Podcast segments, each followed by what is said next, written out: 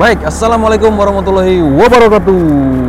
Balik lagi sama aku Cacing di Podcast Sinopsis Kehidupan Season 2 Yoi.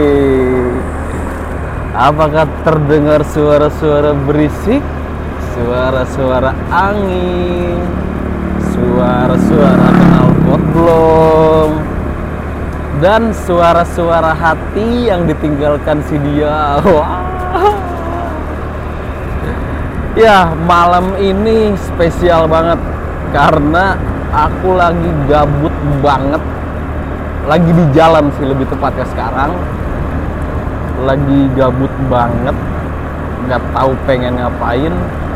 Lalu terlintaslah ide konyol di kepala. Gimana kalau kita record untuk take podcast? Wah, padahal saya sendiri ya. Ya pengen ngoceh-ngoceh sendiri pengen meranyau mudah-mudahan ada yang suka dengerin deh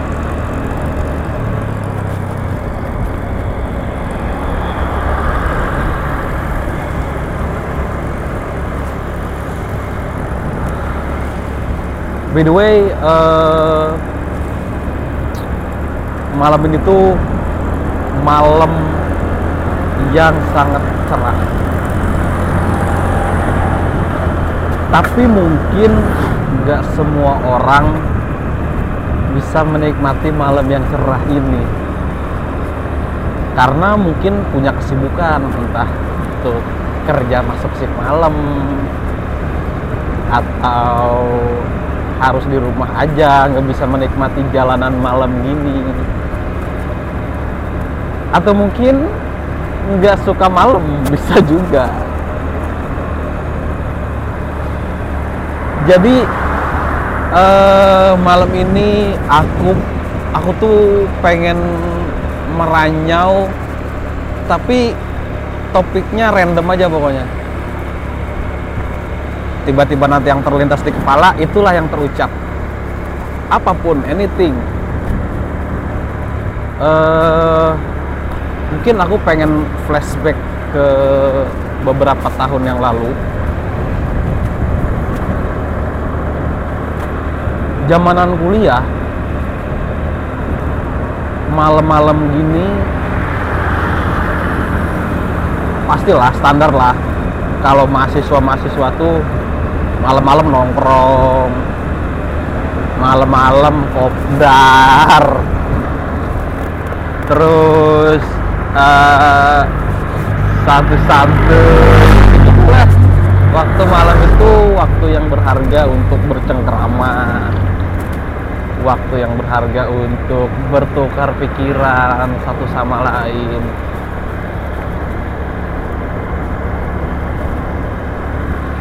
Kadang kalau aku pikir-pikir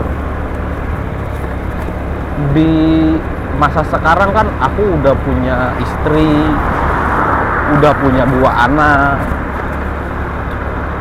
Kayak momen lagi kuliah momen lagi jadi mahasiswa itu kayak baru kemarin gitu. Kayak baru beberapa bulan yang lalu kelewat gitu. Padahal udah bertahun-tahun ini ya. Udah berapa tahun ya 2019 aku lulus 20, 21, 22, 23 at least udah 4 tahun. Nggak uh, jadi bujangan. Karena aku nikah di 2019 juga di akhir tahun. Lulusnya di awal tahun nikah akhir tahun gokil. Kayak nggak ada waktu untuk nyantai ya. Langsung gas terus tapi kadang di satu waktu di masa sekarang ini suka rindu momen-momen yang kalau malam tuh nongkrong sama anak-anak di sekre kadang malam tuh kita eh, jam oke okay, jam 9 malam kita udah ngumpul. Tapi jam 9 malam itu kita bebas tuh melakukan aktivitas masing-masing. Jadi ada yang suka main game main game. Yang suka main musik main gitar gitu. Terus yang ada tugas kuliah ngerjain tugas kuliah dulu gitu.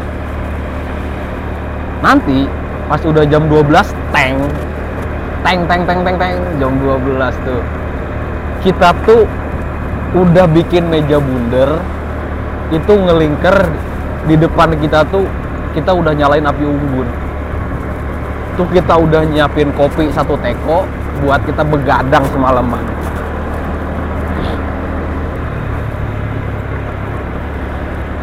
kadang kalau dipikir-pikir ngapain ya ngapain gitu malam-malam nongkrong gitu di luar kena angin kena angin malam angin duduk? Ya entah apa yang dipikirkan pada waktu itu kayak ngerasa enjoy ngerasa senang ngerasa wow ini jalan hidupku.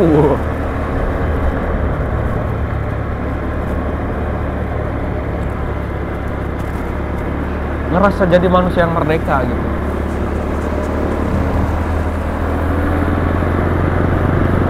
Ya karena lagi zaman kuliah itu nggak banyak gitu yang dipikirin. Maksudnya kalau misalkan sekarang kan kita mau nongkrong aja kalau misalkan ditelepon bini kan repot. Atau eh, tiba-tiba bini ngabarin anak sakit gitu. Lagi nongkrong kan jadi nggak enak banget. Kayak punya tanggung jawab kita harus eh, ada di rumah gitu-gitu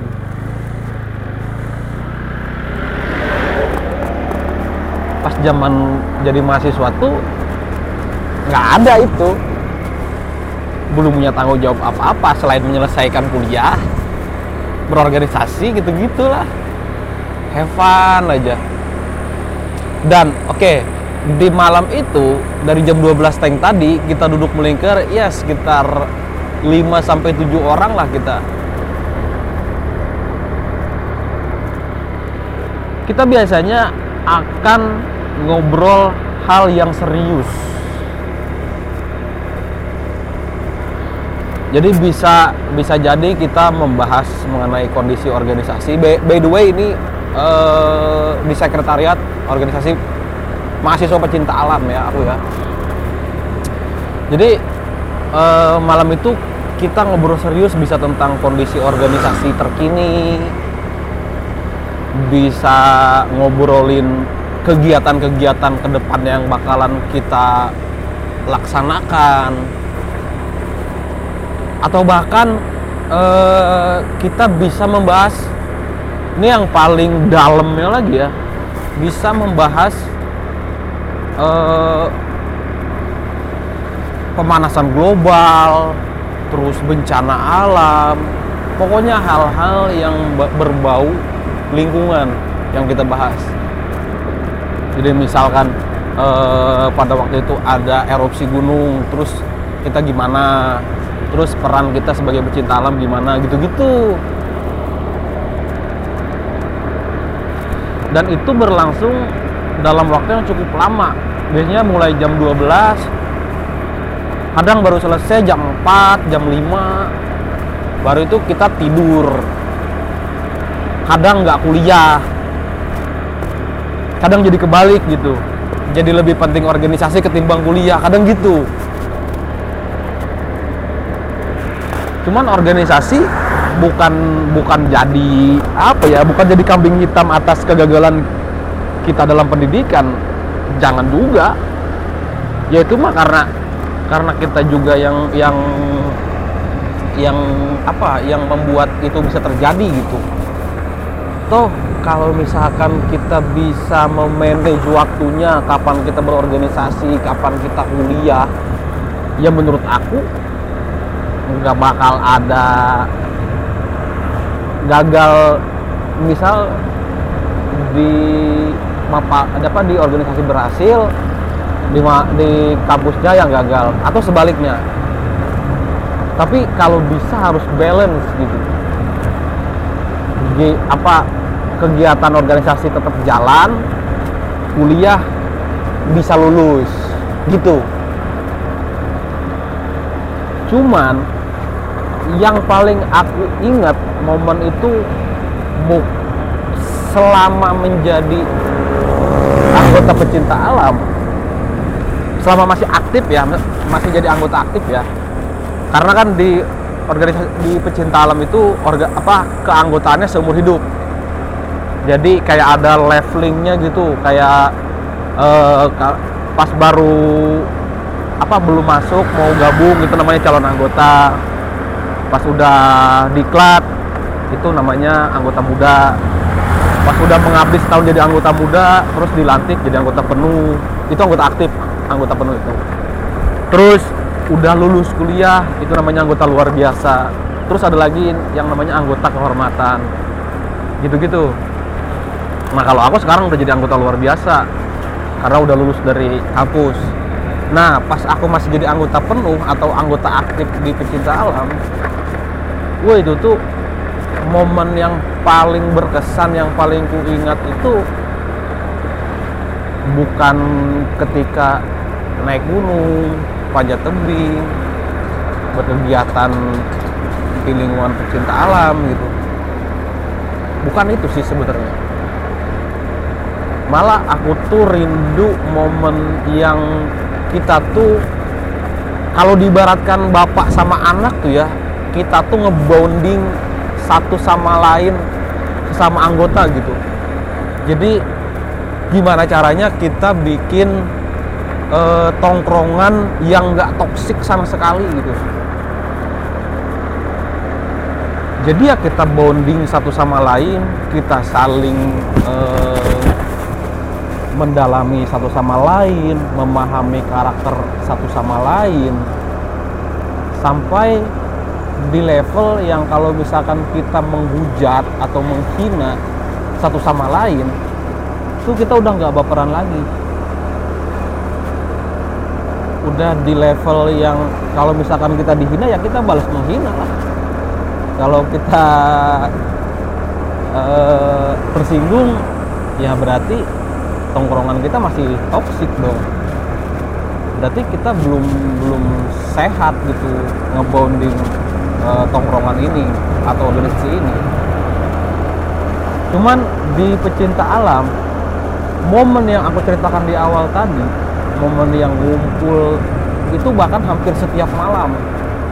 Ritual yang dari jam 12 malam sampai jam 5 itu hampir setiap malam dilakukan dalam jangka waktu satu tahun.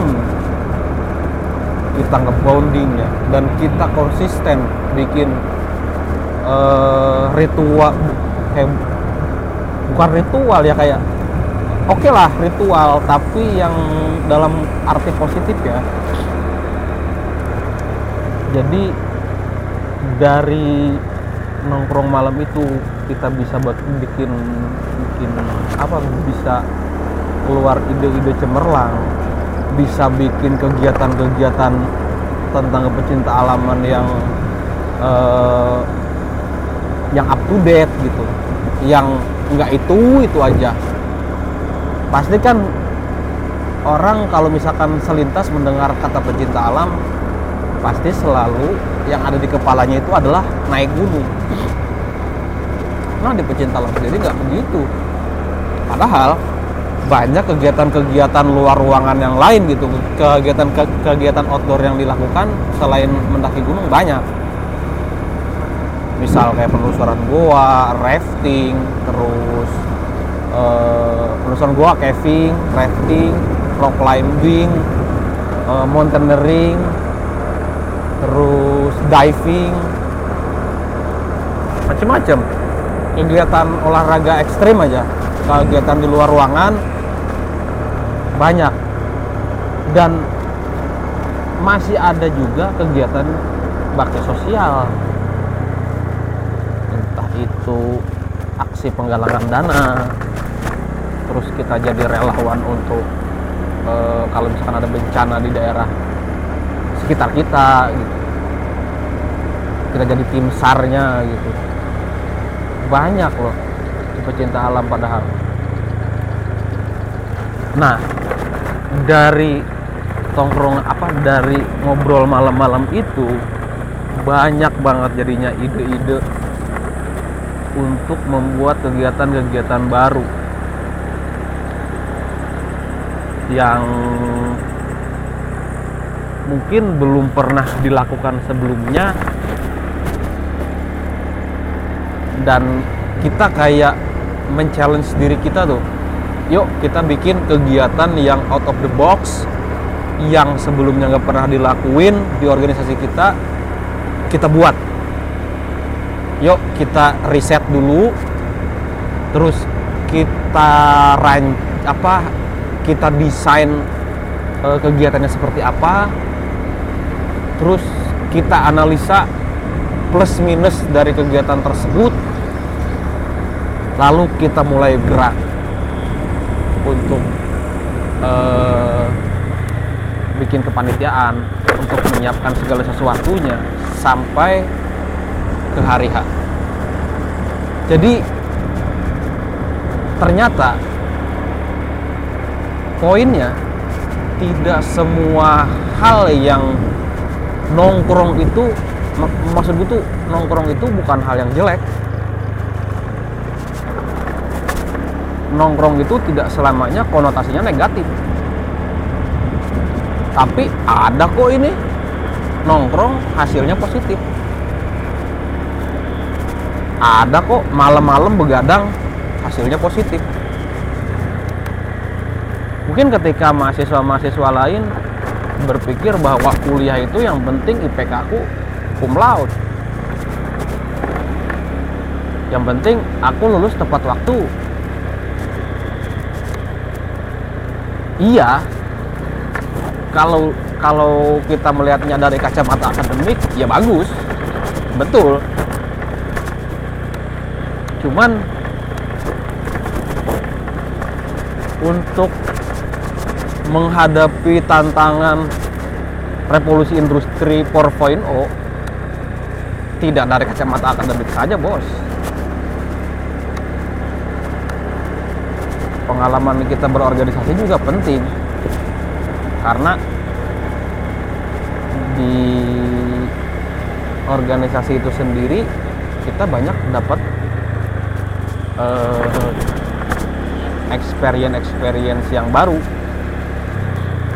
yang mungkin tidak bisa didapatkan di bangku kuliah doang. Kayak misal kita kalau misalkan ada pengabdian kepada masyarakat itu di organisasi kita tuh bener-bener datang dan terjun langsung ke masyarakat. Misalkan kita datang ke daerah-daerah terpencil. Jadi di organisasiku tuh ada namanya SD binaan. Jadi di SD binaan itu kita tuh datang ke perkampungan yang terpencil terus kita tuh ngajarin anak-anak SD ngajarin tentang dunia komputer dan lingkungan hidup. Kita mix tuh karena kita kan anak komputer kuliahnya jurusannya komputer. Dan yang kedua kita tuh anak pecinta alam juga. Jadi itu itu kita mix tuh antara pengenalan komputer dan uh, apa? Tentang lingkungan hidup. Kita mix tuh. Dan bener gitu.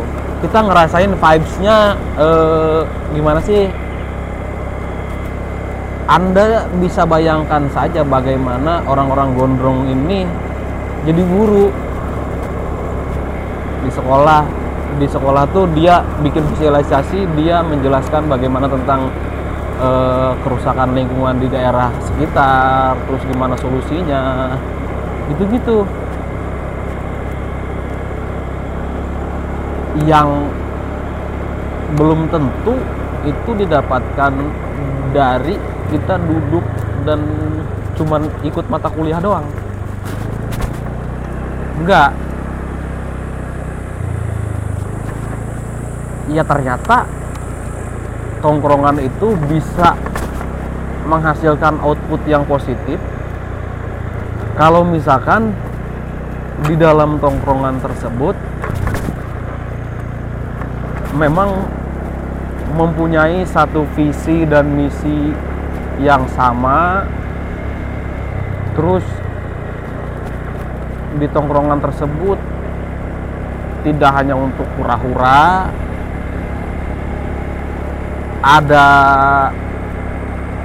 kemauan yang sama gitu ingin e, misal seseorang yang di tongkrongan tersebut oh aku pengen bisa jadi pengajar atau pengen bisa ilmu public speaking pengen bisa komunikasi terus pengen bisa jadi orang yang bersosial. Nah itu didapetin jadinya. Dapat dengan berorganisasi. Dan nongkrong itu bisa jadi output yang positif kalau misalkan orang-orang di dalamnya juga punya pemikiran yang maju untuk mencapai satu hal atau satu pencapaian yang sama-sama diinginkan oleh semua anggota tongkrongan tersebut. Jatuhnya jadinya nongkrong itu cuman media. Media untuk berkeluh kesah, media untuk mencari solusi bersama-sama. Dan pada akhirnya tongkrongan tersebut menjadi positif impactnya kepada masing-masing anggota tidak hanya datang nongkrong main HP main game main masing-masing ya kalau cuman untuk ngumpul-ngumpul main game mah nggak perlu ikut organisasi kali. Gitu gitulah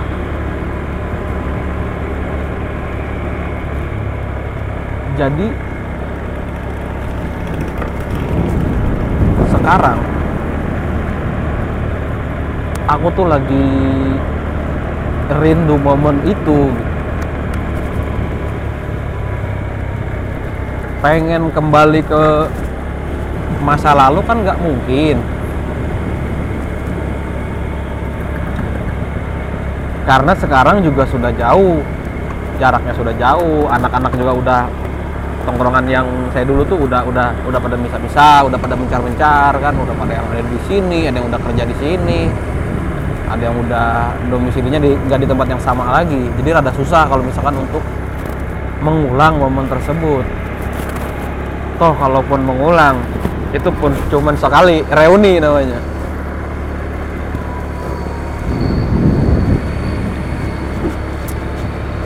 Tapi sampai sekarang gitu aku tuh selalu uh, pengen tumbuh pengen terus punya karya pengen bisa apa ya kita tuh kalau misalkan ngumpul cuman hura-hura ya useless. Ya hura-hura doang yang kita dapat. Kesenangan semata belaka. Nggak dapat pelajaran hidup.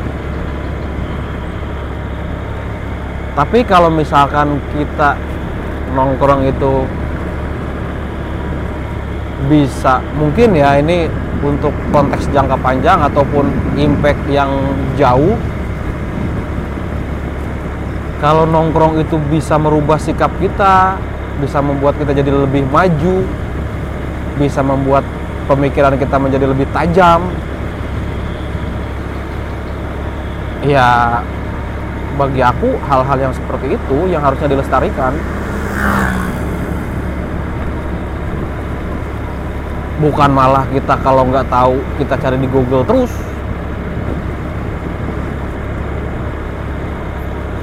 justru kita harus bisa memperbanyak diskusi satu sama lain karena kan masing-masing orang punya intelijensi yang berbeda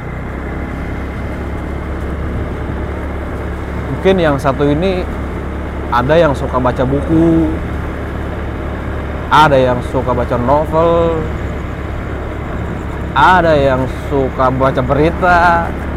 Nah itu kan kalau ngumpul jadi satu itu kan yang baca berita jadi tahu novel. Yang suka baca komik jadi tahu berita-berita terkini karena saling bertukar informasi.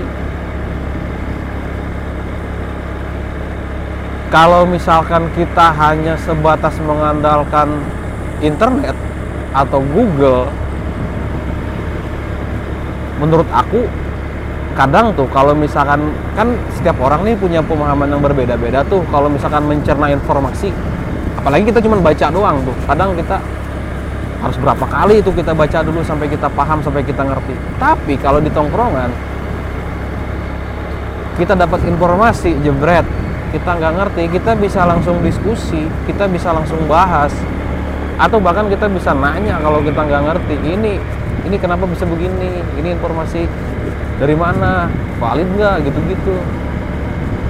Bisa eh, nambah wawasan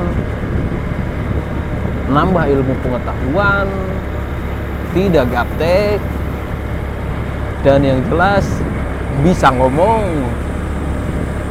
Karena ya di tongkrongan kalau nggak ngomong bahkan kalau misalkan komunikasi kita kurang itu ya nggak terasa lah kita ngomong. Apalagi kalau misalkan kita punya impian kita pengen jadi seorang pembicara pengen jadi public speaker ya kalau kita di tongkrongan diem aja kapan kita latihan? Kapan kita bisa coy? Justru jadikanlah tongkrongan ini media belajar kita supaya nongkrong tuh ada faedahnya. Tidak hanya nongkrong-nongkrong baik. Ya ini sih menurut pendapat saya ya. Kalau misalkan yang lain atau anda yang mendengarkan punya pendapat lain ya boleh. Kita sah-sah saja kita beda pendapat boleh. Tapi yang nggak boleh itu kita berkelahi. Karena beda pilihan karena beda pendapat kita berkelahi. Nah itu nggak boleh. Justru dengan adanya perbedaan membuat kita jadi lebih maju. Karena kalau misalkan kita sama semua homogen misalkan ya cuman satu kata jadinya setuju udah. Tidak ada yang menolak tidak ada yang membantah tidak ada yang menyanggah. Iya semuanya setuju semua ketika ada satu pendapat. Tapi justru dengan kita berbeda pendapat kita jadi banyak punya sudut pandang. Jadi kita bisa melihat dari sisi oh yang pro terhadap pendapat saya gini cara melihatnya. Terus yang kontra dengan pendapat saya dari kacamata sini melihatnya. Nah jadi kita punya banyak perspektif untuk menilai pendapat seseorang. Justru bagus kan? Nah di tongkrongan adalah menurut aku adalah tempat yang paling pas banget untuk belajar berpendapat. Deh kayaknya itu aja dulu deh ocehanku malam ini. Waduh. Udah bingung nih mau ngomong apa lagi. Cuman terima kasih banyak deh buat teman-teman. Intinya kita kalau misalkan punya pendapat kita harus berpendapat. Terus tongkrongan itu bisa jadi memberikan output yang positif kalau misalkan kita membawa aura-aura positif ke dalam tongkrongan. Oke. okay. Oke, itu aja dulu yang bisa saya sampaikan. Salah hilapnya mohon maaf. Ini cacing story, ini podcast sinopsis kehidupan. Semua itu berawal dari keresahan dan secangkir kopi yang dipadukan. Terima kasih banyak buat teman-teman yang setia mendengarkan podcast sinopsis kehidupan. Semoga di lain waktu kita bisa ngoceh-ngoceh lagi. Itu aja. Wabillahi taufiq walhidayah. Wassalamualaikum warahmatullahi wabarakatuh. See you guys.